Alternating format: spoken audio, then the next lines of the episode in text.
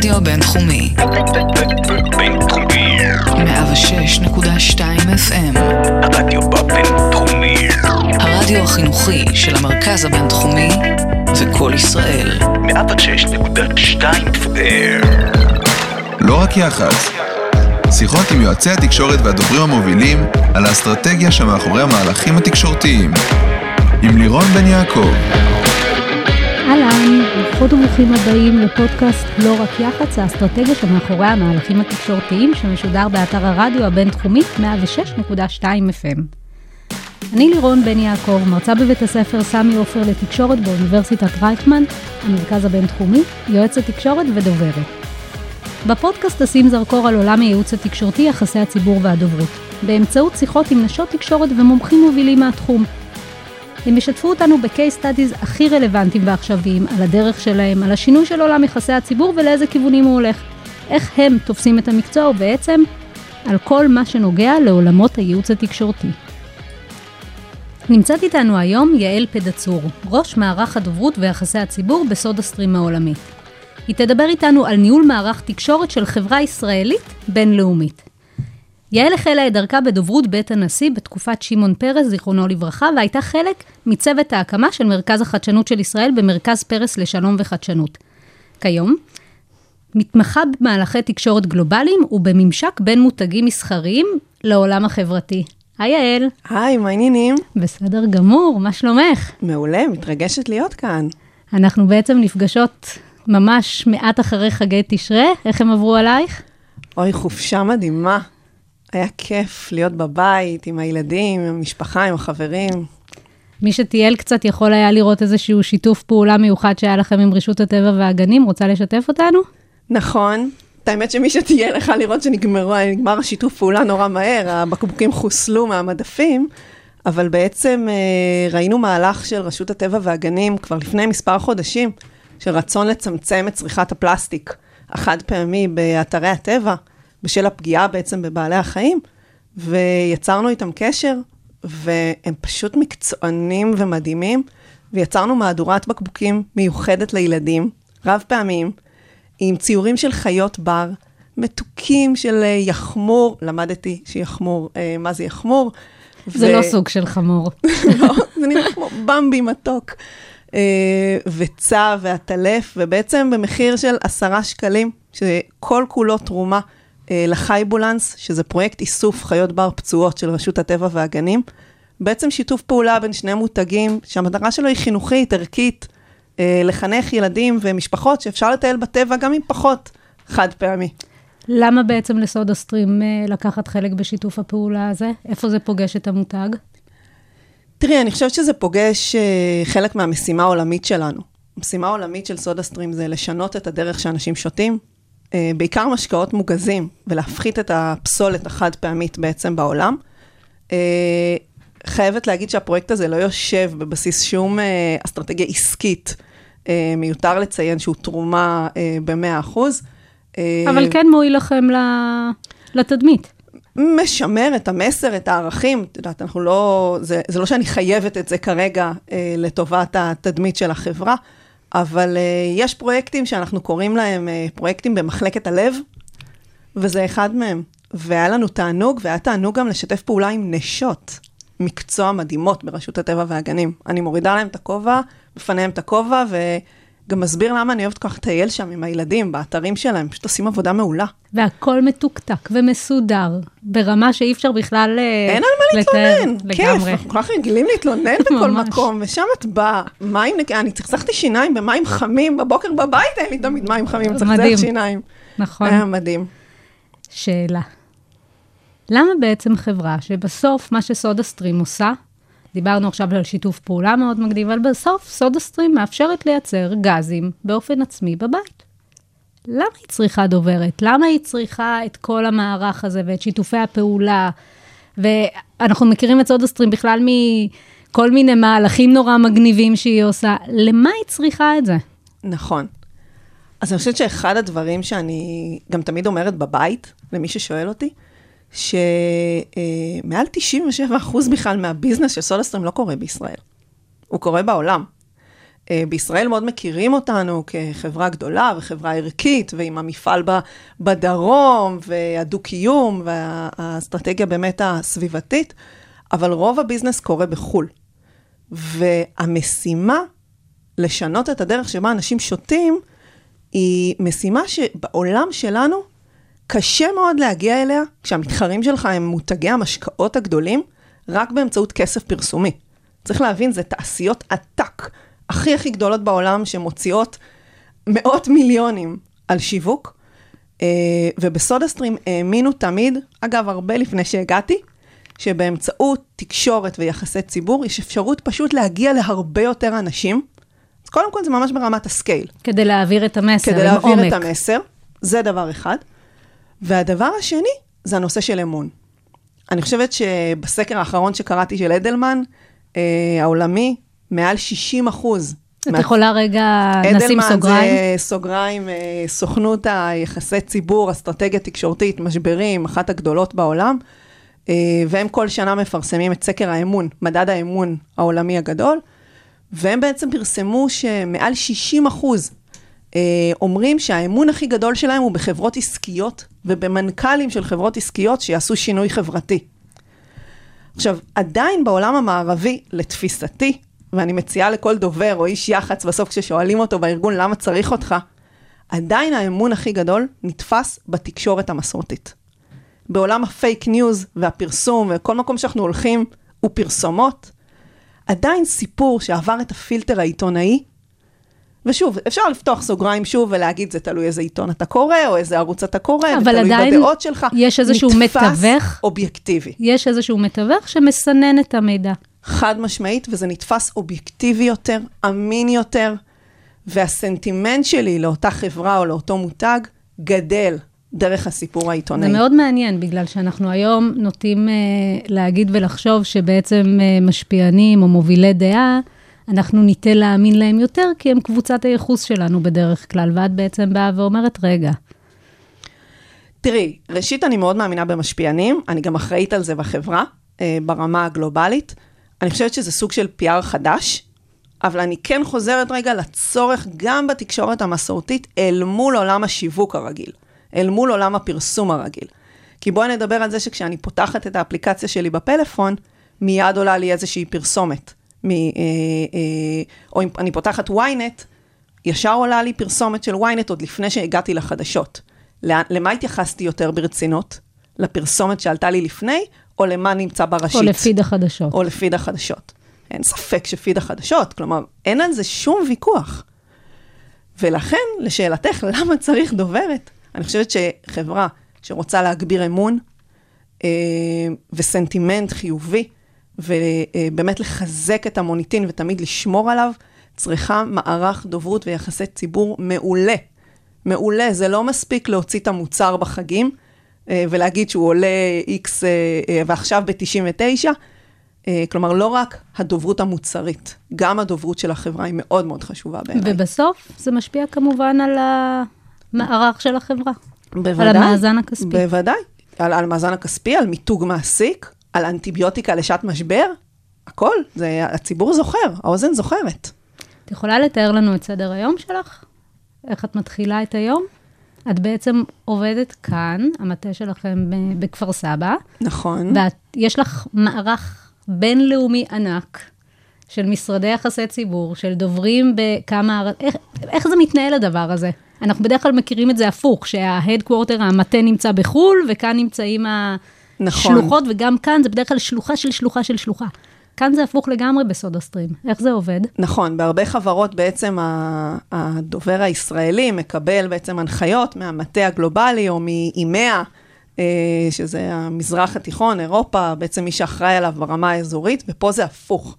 בעצם המטה של סודה סטרים באופן מסורתי כבר שנים אה, יושב בישראל, מוכרים בלמעלה מ-40 מדינות, אבל uh, יש בערך 15 מדינות, בין 15 ל-20, שיש לנו בהן נציגויות גדולות, כלומר ממש בניין, מבנה, שכתוב עליו סודה סטרים, עובדי סודה סטרים שמעבירים כרטיס בבוקר. איפה לדוגמה?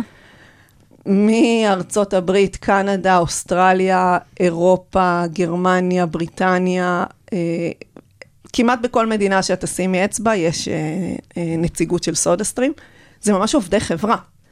כלומר, אה, החברה מתנהלת כחברה גלובלית לכל דבר, והמטה העולמי יושב בכפר סבא. אה, כשבעצם בתוך מחלקות השיווק במדינות השונות, יושבים מנהלי מותג או אנשי, מנהלי יחסי ציבור, תלוי בגודל הנציגות.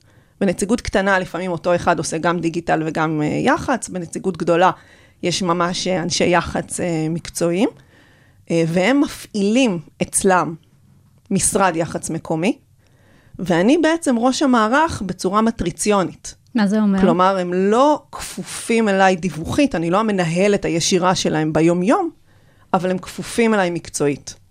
כל הודעה לעיתונות בכל מקום בעולם עוברת אותי, עוברת אצלנו. יש לי פה בארץ צוות, אה, פה בכפר סבא, מנהלת אה, יחסי ציבור גלובלית, ומנהל מנהלת משפיענים גלובלית.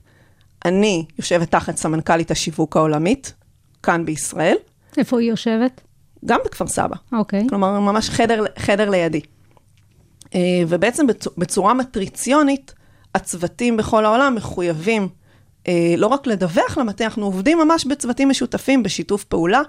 אני יכולה להגיד לך שלפני שקמפיין או פרסומת או, או מהלך יח"צ אה, יוצא לדרך, יש שיחת ועידה, עולים האנשים מכל השווקים, אנחנו מציגים להם את זה, הם אומרים את דעתם, אנחנו מקבלים פידבקים, אנחנו עושים סשנים עם משרדי יחסי ציבור מכל העולם פעם בחודש, מעלים את כולם גם על ועידה, זה גורם גם להם להרגיש שהם חלק ממשהו יותר גדול. תארי לך שמשרד יחסי ציבור מהולנד עולה לשיחת ועידה עם משרד יחסי ציבור מארצות הברית, וכולם מבינים שאנחנו לקראת פרויקט משותף. כלומר, נוצר איזה שיא כזה, אה, שכולם עובדים עליו ביחד. ואיפה נולד הפרויקט? יכול מאוד להיות שבהולנד יבואו ויגידו לך, קיים אצלנו כרגע שיח תקשורתי על, אנחנו רוצים לקחת חלק במהלך, או לייצר מהלך, ואתם לוקחים את זה כאן בארץ וגם כן מרחיבים? חד משמעית, אנחנו קוראים לזה מ-local to global, from local to global, שזה בעצם, אה, אני תמיד מודדת, זה הדבר שאני הכי אוהבת.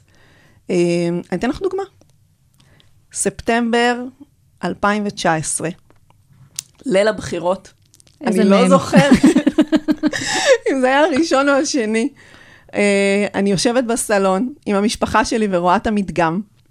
אה, ממש דקה לעשר זה היה, ואני מקבלת הודעת אס.אם.אס ממנהלת יחסי ציבור בקנדה, שכותבת לי אה, בוואטסאפ, שתביני את התרבות הארגונית של סודה סטרים, שעוד נגיע לזה, אבל זה טרלול אחד מוחלט של עבודה בסדרי זמנים אה, ב-no time, והיא כותבת לי, יעל, יום שישי הקרוב, שזה עוד יומיים, יש פה שביתה למען כדור הארץ, שהתחילה בחורה שוודית, גרטה, משהו. אה, אז עוד באמת אף אחד לא הבין. היא אומרת לי, אנחנו רוצים להשבית פה את המשרד של סודה סטרים קנדה. זה בסדר? המשרד יח"צ שלנו הציע. אני, העין שלי במדגם, כאילו, מה קורה כרגע, ומה היא רוצה בדיוק, ומי זאת גרטה שעכשיו צריך להתייחס אליה. ויכול להיות שבכל מקום אחר הייתי עונה לה, שלחי לי אימייל, נדבר מחר. ובעצם עשיתי forward לוואטסאפ הזה כמו שהוא, לסמנכ"ל שיווק ולמנכ"ל אייל, אייל שוחט. והתגובה של אייל שוחט, המנכ"ל של סודה העולמית, הייתה, למה רק את קנדה להשבית? אני חושבת שבאותו רגע הבנתי, זה די מדהים, מהירות קבלת ההחלטות וההבנה שיש כאן מהלך שהוא גדול יותר מגרטה וקנדה. די מדהים. מטורף. והקרדיט כאן הוא, הוא באמת לאייל שוחט, שאמר, אה, שמונה בבוקר, אצלי מחר. אני, אני, הבוקר הזה חרוט לי אה, כבוקר של אדרנלין. אני פשוט הרגשתי, ידעתי שאני הולכת למהלך גדול. ידעתי. זה בעצם אבל גם ישב לכם מאוד יפה על הערכים של המותג. בוודאי, כשזה מתאים זה מתאים. כשזה מתאים זה מתאים, אבל היכולת גם של מנכ"ל לקבל את הוואטסאפ הזה, הוא היה באותה סיטואציה שלי. גם הוא ישב אה, וככה היו לו דברים יותר בוערים אולי לראות. והיכולת שלו לכנס את כולם ולהגיד, אצלי בשמונה בבוקר, עכשיו, תביני את הסיטואציה, מגיעים אליו בשמונה בבוקר, אני מגיעה, ומגיע צוות של משאבי אנוש, כי יש משמעות של להשבית חברה בבוקר, נכון? ומגיע צוות של אתרי המכירה, האונליין. והצוות של אתרי המכירה אומר, רגע, רגע, את האתרים לא משביתים, נכון? ואייל אומר, השבתה זה השבתה. על כל האתרים אני רוצה באנר. אנחנו סגורים לטובת כדור הארץ היום. זה יצא החוצה? זה יצא תקשורתית בישראל? יצא תקשורתית בישראל, יצא בכל מקום, אגב, בכל העולם. עוד בלילה, אייל שלח מייל לפפסי, לבכירים בכירים בפפסי העולמית כדי לעדכן אותם, והם נתנו את ברכתם, והגענו בבוקר חדורי מוטיבציה, כמו סיירת, כל אחד טיפל בענייניו, וממש אני זוכרת את אחת העובדות אה, ככה, מדפיסה במדפסת של הסטודיו לעיצוב גרפי שלט אה, We're closed for the planet, ותולה אותו על הדלת כניסה של המשרד ומצלמת, וזאת התמונה. מי שיעשה בגוגל סודה סטרים שביתה למען כדור הארץ, יראה שיש תמונה של דף A4 על הדלת של המשרד שכתוב, אנחנו סגורים לרגע לטובת כדור הארץ. מה היו התגובות של העיתונאים כאן בארץ? גרטה עדיין לא הייתה כל כך מוכרת. נכון, אה, קודם כל זה התקבל בסנטימנט מאוד מאוד חיובי. אני אשאל, את יודעת מה? גדולה. סליחה. אני אשאל שאלה אחת מקדימה. מי תא הכתבים שאת מולו עובדת? זה הרי לא רק צרכנות, נכון, נכון. למרות שזה אמור להיות צרכנות. בעיקר. נכון, אבל כשאת שואלת את המושג תא כתבים, אז זה מאוד עיניים ישראליות. Uh, בישראל הכל מחולק לתאים ונורא נורא ברור, והתקשורת פה היא יחסית גם קטנה, מבחינת כמות כלי התקשורת. בחו"ל מנעד הכתבים שאנחנו עובדים איתו הוא מאוד מאוד גדול. בישראל אני חייבת לציין, חייבים גם קרדיטים, נכון? זה הזמן? ברור. אז אני חייבת לציין את הצוות שלנו בשרף תקשורת. יש לנו שתי יועצות uh, מדהימות, ורד לב ואורלי מדמון, שהן מנוסות ובכירות, ואת יודעת, כל אחת סוחבת, הן ביחד אולי 30 שנה ניסיון סוחבות איתן. Uh, התחילו בגיל שלוש. Uh, אין כתב כמעט שהן לא עובדות איתו. והסודה סטרים, את יודעת, לפעמים זה הסיפור של הנגב, מה זה הסיפור של דרום, הנגב? של הדו-קיום, של המפעל בדרום. אז בעצם כתבי דרום שמסקרים אותנו. לפעמים זה כתבי צרכנות. אה, לפעמים זה תעשייה, כתבי תעשייה. המון כתבי קריירה. אגב, כי כל עולם המיתוג מעסיק, אה, עובדים איתו בצורה מאוד מאוד חזקה. וכתבי צרכנות. כלומר, המנעד הוא מאוד מאוד רחב של הכתבים שעובדים איתם כאן בארץ. נחזור לסיפור השביתה, היה סיקור היסטרי, אה, גם בישראל ובעיקר גם בחו"ל. היו חברות בארץ שהצטרפו למהלך, או שזה היה me too ברמת ההרבה אחרי? היו מאוד מעט שהצטרפו אחרינו, ממש מעט. אם למה? תשווי את זה... איך את מסבירה את זה? לא אכפת לחברות כאן בארץ מאיכות הסביבה, הנושא הזה הוא פחות על סדר היום, או שזה בכלל, הבחירות היו שם, וזה לא היה ב mind של התקשורת.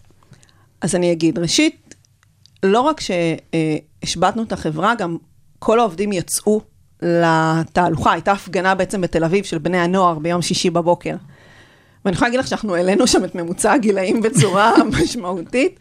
לא ראית שם את מצעד החברות, בסדר? לא ראית שם כמו מה שקורה אולי במצעד הגאווה, או, או במאבקי אלימות נגד נשים, לא ראית שם את מצעד החברות הגדולות. אמ, אני חושבת שהתקופה, ספטמבר 19, עוד הייתה בוסרית לנושא הסביבה והאקלים בישראל. אני זוכרת את היום שפתחתי לראשונה כלכליסט, וראיתי דאבל ספרד בנושא משבר כדור הארץ, ואני זוכרת את השיחת טלפון שלי גם עם הצוות uh, משרף תקשורת, שאמרתי להם, זה מתחיל להגיע לישראל.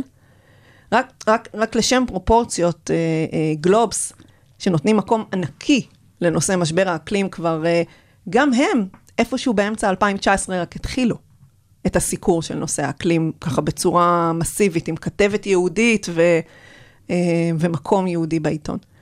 מאוד מאוד בוסרי בישראל, מדינה שמתעסקת בביטחון, ביטחון, ביטחון, ביטחון, אה, יום ולילה.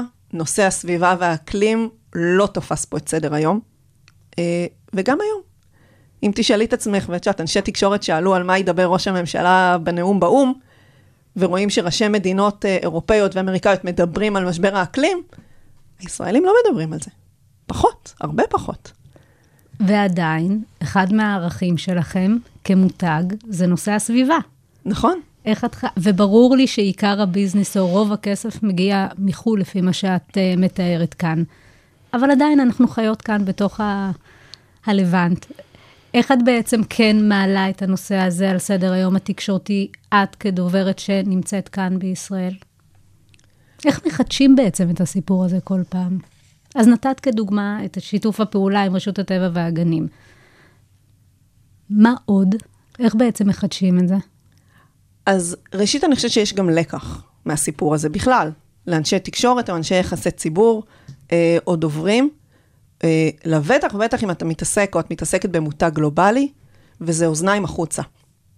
לא להיות מקובעים באוזניים בתוך, רק בתוך מה שקורה בישראל. כי אם נהיה מקובעים רק בתוך מה שקורה בישראל, נפספס את הטרנדים שמגיעים מהעולם, והם תמיד מגיעים לישראל בסוף. עכשיו השאלה מתי את תופסת אותם.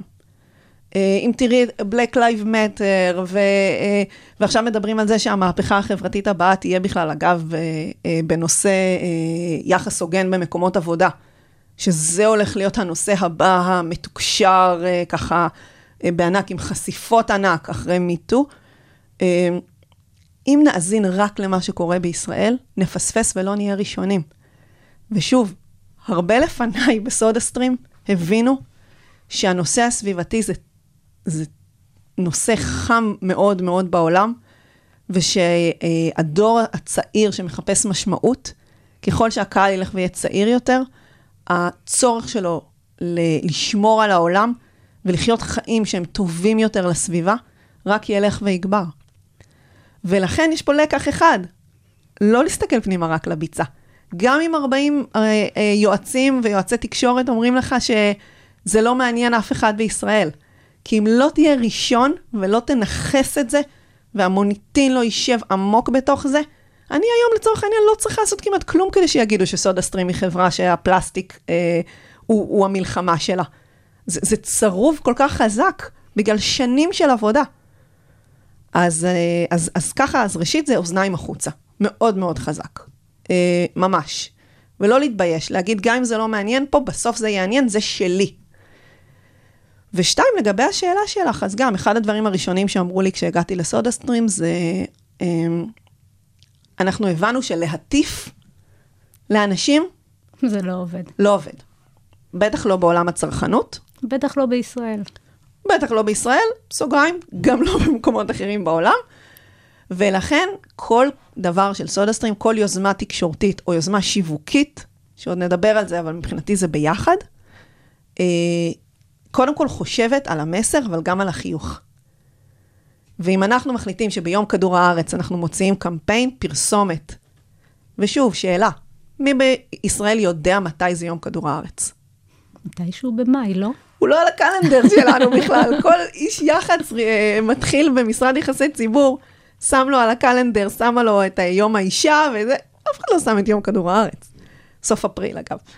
אה, וברגע שהחלטנו שזה יום שאנחנו עולים איתו עם קמפיין, אז ברור שהקמפיין חייב להיות גם דיסרפטיבי וגם גם בועט, אבל גם מצחיק. ההומור, גם הבקבוקים האלה שיושבים כאן לפנינו, שעשינו עם רשות הטבע והגנים, הם עם חיוך. ואם אנחנו מדברים על זה, לפני, uh, בפברואר 20, הופיעה פרסומת שלכם uh, באירוע, טל... באירוע של uh, ארצות הברית בסופרבול. את יכולה לשתף קצת מהצד שלך? דיברת, התייחסת בחצי משפט על בין uh, יחסי ציבור לשיווק. איפה בעצם את משתלבת? להיות בסופרבול זה, זה גדול. נכון. אז uh, קודם כל, להגיד שזו פעם שלישית שסודה סטרים uh, uh, הופיעו בסופרבול, או ניסו להופיע בסופרבול, uh, וגילוי נאות, הייתי בחופשת לידה. בפברואר 20, הייתי uh, חודש אחרי לידת uh, הבן שלי. מזל טוב. תודה, תודה. ולכן ככה קשה להגיד שניהלתי את זה בידיים. יחד עם זאת, אני חושבת, הלוואי ויהיה לי עוד סופרבול לעשות בעצמי. זה אירוע מאוד מאוד ייחודי בעולם מבחינת יחסי ציבור. כי זה בין האירועים היחידים שהפרסומות במשחק מעניינות את הצופים, מה שנקרא בסדר העדיפויות. לא פחות מהמשחק. יש את המשחק, יש את הופעת ההפטיים, הזמרים שיופיעו שמחרת בבוקר אנחנו רואים את, ה, את ההופעה שהייתה, כי מי נשאר ער ב- בישראל באמצע הלילה, חוץ מבעלי אה, וכמה חברים, אה, והפרסומות. עכשיו, אם בעבר היה אמברגו, אמברגו, כלומר, יש מניעה לפרסם עד למועד הסופרבול, עד לאותו לילה, היום, ואני דיברתי אתמול בלילה עם אה, שירי, שמנהלת את התקשורת שלנו בסודה סטרים ארצות הברית. אה, אגב, התחילה בסודה סטרים בישראל, אה, כמנהלת תקשורת שיווקית, ועשתה רילוקיישן עם המשפחה, עם שלושה ילדים, כדי להצמיח את ה business ואת השיווק שלנו בארצות מדהים. הברית. ומה שהיא אמרה לי זה שמהראשון בינואר בעצם, כשחוזרים מה Christmas, מתחיל טיזרים לקראת הסופרבול. הסופרבול הוא באמצע פברואר. מתחיל סיקורים ומתחיל כתבות. מי החברות שיפרסמו בסופרבול ומי ה celebrities שיפרסמו בסופרבול. כלומר, אין סוף, אין סוף הזדמנויות לכתבות ול-PR. עכשיו, בוא, בואי נחשוב על מותג שאולי לא מכירים אותו בארצות הברית. אין קיצור דרך יותר משמעותי מסופרבול, כדי להגיע להיכרות כל כך גדולה. ראינו את זה לפני כמה שנים עם אה, וויקס. נכון, נכון. אין קיצור דרך יותר, אה, יותר אה, מהיר מזה. ש- כמות מאות כתבות עד ליל השידור. ליל השידור מוקם חמ"ל של אה, תגובות סושיאל. ואיפה את בתוך זה? את בישראל, ויש את מי... אה, את היית בחופשת לידה. נכון. אבל עדיין, אני מניחה שאם זה צוות היח"צ שלך, או אם זה מי שמילא את מקומך, אה, איפה ישראל בתוך זה? אז אה, בעיקר הצוות הישראלי פה התעסק בלתקשר את זה בתוך ישראל ובמדינות השונות.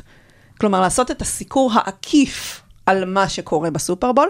כל מה שקרה בתוך התקשורת האמריקאית, הצוות האמריקאי שלנו ניהל. וכמובן שהצוות הישראלי, בראשות אה, אה, בכירי השיווק, היו מעורבים גם בתוכן של הפרסומת. אבל בעצם זה נוהל על ידי uh, הצוות שלנו בארצות הברית, מא' ועד ת', זה גם מאוד נכון. הם מכירים את התרבות והם שם, ואנחנו התעסקנו בתקשורת ההיקפית. אה, מה שנקרא, ההודעה לעיתונות על סודה סטרים בסופרבול. ואיך דואגים שגם בישראל וגם באירופה וגם בכל מדינה, ייתנו לה איזה טיזר קטן. אה, ו- וזה בעצם היה המקום שלנו, להסתכל על זה בראייה הרבה יותר אסטרטגית, הרבה יותר גדולה, כי בסוף אם זה יישאר לי רק בתוך ארצות הברית, זה מעולה. זה מעולה לביזנס של ארצות הברית, אבל אני מותג עולמי. וגם אה, כן זו הזדמנות מדהימה לעשות אה, למנף. גלים נוספים לאותו, לאותו אירוע. בוודאי, וזה זה בעצם המקום שלנו כ- כמטה עולמי. לא רק להסתכל על מה שקורה בתוך השוק, אלא איך ממנפים אותו עכשיו בכל העולם. הסופרבול זה באמת איזשהו סופר אירוע שכולם לוקחים בו חלק, אבל מה עם מהלכים ביום-יום? איפה את כדוברת, כמנהלת מערך התקשורת, נמצאת סביב, ה, סביב השולחן בעצם? סיפרת מקודם שבאותו ערב בחירות סימסת ישר למנכ"ל, אבל את עדיין כפופה לסמנכ"לית השיווק. אה, איפה את נמצאת בתוך זה? איפה הדוברות נמצאת בתוך המערך הזה? אז אני חייבת להגיד לך שאם יש משהו שלמדתי בבית הנשיא, בתקופת פרס, זה שאת איפה שאת בוחרת להיות. ואני בוחרת להיות כמעט בכל מקום, זה, זה הבחירה שלי, אה, בזה אני מאמינה, אבל אה, יש בסודה סטרים תרבות מאוד מאוד ייחודית של, אה, אה, דיברנו על זה קצת בהתחלה, אבל של PR inside. של, שהיח"צ והתקשורת לפעמים הם בתוך המהלך מבלי שאנשים בכלל מודעים. אני אתן לך דוגמה. כשההנהלה או סמנכ"לית משאבי אנוש מחליטים לפתוח מפעל לנשים ביישוב כסייפה בדרום, הם לא עשו את זה כדי לקבל כותרת. זה הרי טבוע ב-DNA של החברה כל כך עמוק. יש פשוט תפיסה בסודה סטרים שאומרת, אם לא נהיה חדשניים, עדיף שלא נעשה. ולא מעט רעיונות מגיעים בסודה סטרים, מגיעים אליי, מצוות משאבי אנוש, אה, או מצוות האנשים בשטח, המנהלים העסקיים, ואני אומרת לעצמי, אף דובר לא יכל לחשוב על רעיון כל כך טוב. כי אם האנשים בשטח, התפיסה שלהם הם להיות חדשניים, בשבילי זה עבודה קלה. כלומר, זה הרבה יותר טוב והרבה יותר משמעותי מאשר לקבל את המיילים האלה של, תראי, עשינו פרויקט תרומה לקהילה, תראי אם את יכולה למנף. אבל זה הרבה יותר מערך החדשנות. זה גם ערך החלק מהקהילה, זה ערך החבר... עליות חברתי. זה, יש משהו בסודה סטרים, מעבר לערך הירוק והשמירה על איכות הסביבה, שהוא מאוד מחובר לקהילה, וזה נשמע שזה כבר ב-DNA של העובדים שעובדים בחברה. לגמרי, וזה היופי. ולפעמים התפקיד ש... כדובר, זה להסתכל על המהלכים האלה וגם לתת להם גב, ולהגיד, אני מאמינה בזה. ולעשות זה החיבור. יהיה מעולה. ולעשות החיבור בין כל הערכים ולייצר מסר בעצם נכון. שמתחבר לאסטרטגיה של החברה. נכון, ולהתקשר למשרד יח"צ עם זיק בעיניים, ולהגיד, תשמעו את הפרויקט הענק הזה, ו- ולדעת לתווך את הסיפור הזה ולהעביר אותו הלאה. ו- וזאת העבודה שבעיניי בסודה סטרים היא מרתקת, כי הפרויקטים, אני אומרת לך את האמת, הסיפורים מגיעים אליי מכל מקום. וכן, יש גם כאלה שאני מוותרת, שאני מסתכלת ואני אומרת, זה נורא דומה ל... עשו את זה ב... ו- ואז אנחנו אה, מוותרים. אבל יש תפיסה של לעשות דברים אה, חדשים ומשמעותיים. אבל כשיש אמת בתוך הארגון, שהוא מתנהל בחוכמה ולא רק מחפש את הכותרת, אלא באמת להשפיע, תפיסה חברתית ככה עמוקה, אז אני חושבת שהתפקיד של דובר הוא מצד אחד ליצור הזדמנויות ולנצל אותם, ומצד שני גם לפעמים להקשיב, ולהתחבר לאסטרטגיה ולהאמין בה. וזה מתחבר לשני דברים שהתייחסת אליהם ככה בתוך כדי. אחד זה הטרנד שמתחיל יותר בעולם של העסקה הוגנת, שאני חושבת שבסודה סטרים ולפי מה שאת מספרת זה כבר נמצא שם. וזה מתחבר לנושא של מיתוג מעסיק, שזה איזשהו סוג של Buzzword שכולם אוהבים להגיד, אבל לא לגמרי מבינים תמיד מה זה אומר, אה, שאתם כבר עושים את זה. את יכולה קצת לספר לנו מה אתם עושים בעולמות המיתוג מעסיק? כן. קודם כל, אולי, מה זה מיתוג מעסיק, שכולם אוהבים להתייחס אליו? אז זה מאוד מעניין, כי אה, מי שמתעסק ומתעמק במיתוג מעסיק, מבין שיש שני רבדים במיתוג מעסיק. יש את מה שנקרא recruitment marketing, שיווק הגיוס. איך אני עכשיו מגייס עובדים ואני משווק את זה, ומשווק את החברה שלי כמוצר שיהיה נחשק, ואיך אני מביא את האנשים בעצם לשליחת הקורות חיים ולרעיונות. ואיך את ה... משווקת את ההעסקה בחברה שלך כמוצר. נכון, נכון. זה ה-recruitment marketing, וזה לפעמים יותר ברמה הטקטית, כי יש לי כרגע צורך, לדוגמה, אני חברת הייטק גדולה ויש לי 20 מפתחים שאני צריך לגייס, או 200, ואיך אני משווק את זה לקהל הנכון, ולפעמים זה מפולח מאוד. recruitment marketing הוא לפעמים מאוד מאוד מפולח, פונה לקהל יעד מאוד מסוים. אגב, מתמחים בזה במשאבי אנוש שלנו, לא אני, זה התחום שלהם. מעליו יש את המיתוג מעסיק. ומיתוג מעסיק, בעיניי זה כמו כל מותג, זה רגשות. זה סנטימנט. זה מה עולה לי בראש וברגש כשאני שומע את השם של החברה הזאת. האם זו חברה כיפית, לא כיפית, טובה, לא טובה, אני, אני אוהבת אותה, לא אוהבת אותה, שמעתי עליה דברים טובים, לא טובים. זה המון המון בעולם הרגש. ומיתוג מעסיק לפעמים יכול להיעשות בצורה טובה, בלי לדבר על המשרה בכלל. כלומר, ו- וכל המהלכים של, שבאמת של העסקה הוגנת ושל להיות חברה שתורמת אמיתי ועושה שינוי בחברה, מאוד מאוד משמעותיים למיתוג מעסיק. את יכולה לתת איזושהי דוגמה למהלך מיתוג מעסיק של סודה סטרים? קשה לקרוא לזה, אבל מיתוג מעסיק. את מבינה? כי בסודה סטרים המהלכים לא מגיעים לת... בגלל המיתוג מעסיק. נכון, אבל בסוף כשאת עושה איזשהו מצגת ואומרת uh, תחת הכותרת של מיתוג מעסיק, את מכניסה כמה, כמה נושאים שכן נכנסים לזה. מה את יכולה כן להתייחס? כן, אני, שוב, אני, אני אאתגר את מה שאת אומרת, כי, כי אני חושבת שבסודה סטרים, אם, אם מישהו יכין מצגת של מיתוג מעסיק ויראה מהלכים חברתיים בתוכה, זה יעשה תחושה מאוד מאוד לא נוחה. כי באמיתי רגע, המהלכים לא נוצרו לטובת מיתוג מעסיק. אני כן יכולה להגיד לך שיש אנשים שמגיעים לראיונות עבודה בסודה סטרים, ואומרים לצוות משאבי אנוש, אני ראיתי את הקמפיין שעשיתם למען אלימות נגד נשים, נגד אלימות, למען מניעת אלימות נגד נשים, סליחה. את יכולה לספר לנו עליו קצת רגע בסוגריים? כן, אה, שנייה, ו... ואנשים באים עם זה לרעיון עבודה. כלומר, אנשים סוחבים איתם בבטן, שוב, בעולם הרגש, בבטן, לא את השכר, ולא את העובדה שזה חברת הייטק או תעשייה. בסוגריים, סודה סטרים זו חברה תעשייתית. יכלו לסווג אותנו גם כחברת מזון, ועדיין, איך אנחנו נתפסים בעיני הרבה אנשים? כחברה ישרא גלובלית, מצליחה מאוד בעולם.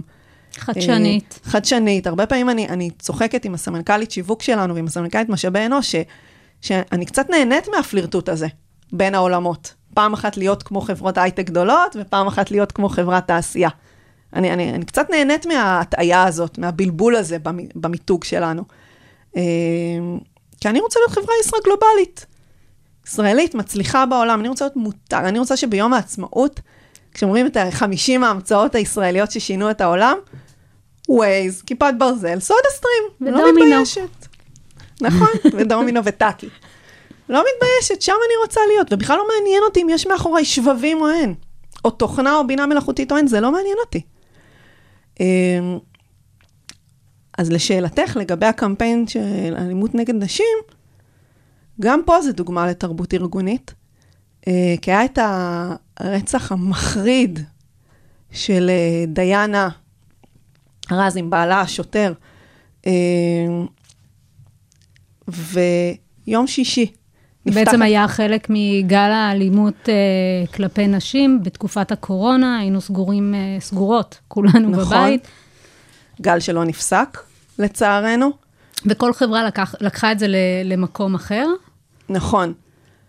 ואת יודעת, אם דיברנו בהתחלה על ההבדל בין אה, שיווק, פרסום ו- ותקשורת, תראי מה עשה הריאיון שהיה אה, אה, במוצאי שבת אצל דנה וייס עם לירון בן דרור, האישה שניצלה שבעלה אה, רצח את בתה התינוקת ו, אה, ופצע אותה ואת הבת השנייה שלה. לירון לא הייתה בכותרות לפני זה.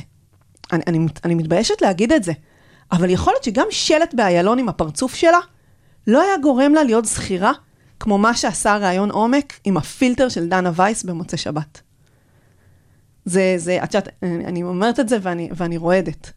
כי, כי המשמעות של סיפור עיתונאי, עדיין, זה שוב, זו דוגמה שמוכיחה את מה שדיברנו עליו בהתחלה. ואני יודעת שגם נפתח קמפיין גיוס המונים, ו- ו- והם ימנו להמון, זה לא היה עובד באמצעי פרסום רגילים. כי זה צריך להתחבר. לרגש. שוב אנחנו חוזרות לרגש. אז בעצם זה היה יום שישי, אחרי עוד אחד ממקרי האלימות נגד נשים המזעזעים שקרו במדינה. אה, הרצח של אה, דיאנה רז, על ידי בעלה, ובעצם נפתחה קבוצת וואטסאפ, שפתחה אותה, אם אני לא טועה, סמנכ"לית משאבי אנוש, שהכותרת של הקבוצה הייתה מה עושים. כלומר, כשזה מגיע מאישיות כל כך בכירה בחברה, אז את מבינה שעושים. השאלה מה. ובאמת היו חברים שם אה, צוות, אנשים גם מצוות השיווק ומשאבי אנוש ובכירים בחברה, והתחלנו להעלות רעיונות. עכשיו, ממש סיור מוחות קריאטיבי של, של מה אפשר לעשות. ואחד השרירים החזקים שלנו זה סרטים וקמפיינים. ובאמת מנהל התקשורת השיווקית הביא רעיון לסרט חזק, בועט, שבה רואים רופא, אה, בעצם שמסתכל אה, לתוך העין של אשתו אה, ובודק אותה. ורק כשהמצלמה נפתחת, אז רואים שהרופא אומר לה, אני מצטער, זה לא יקרה לי יותר. ותוך כדי הלישה של הבצק של הסרט, מה שנקרא, יצרנו קשר עם אה, לילי סלע, אחות של מיכל סלע ומייסדת פורום מיכל סלע, שבאמת עושה עבודה מדהימה. ואמרנו לה, לילי, לעשות סרט זה לא מספיק. מה, מה לא עוד? לילי סלע, לילי... לילי בן עמי. סליחה. לילי בן עמי, אחות של מיכל סלע, נכון? ולילי אמרה, תקשיבו, השירות... וצריך רגע לספר, לילי בן עמי, אחרי רצח אחותה, הקימה את פורום מיכל סלע, והיא לקחה את זה כמשימת חייה, לעזור uh, לנשים באמצעים uh, פרקטיים. Uh, היא חיברה המון רשויות, את הציבורי, את העסקי, והיא ממש, יש לה פורום שהיא מנהלת היום, כדי לעזור uh, לנשים שנמצאות uh, במעגל האלימות. נכון. וכשאת שואלת את עצמך, איפה חברה מסחרית נכנסת בתוך זה, וכשלילי אומרת בטלפון, תשמעו, הדבר שהכי צריך זה להמשיך לעורר מודעות לסימנים המקדימים, כי את זה נשים, אנשים לא מבינים, מה הסימנים המקדימים. ובאמת שינינו את התסריט של הסרט, ככה שידבר על סימנים מקדימים. אה, השקענו תקציב אה, לא מועט אה, בקידום שלו ובדיגיטל וביחסי ציבור, כדי שהוא יזעזע ויעורר מודעות.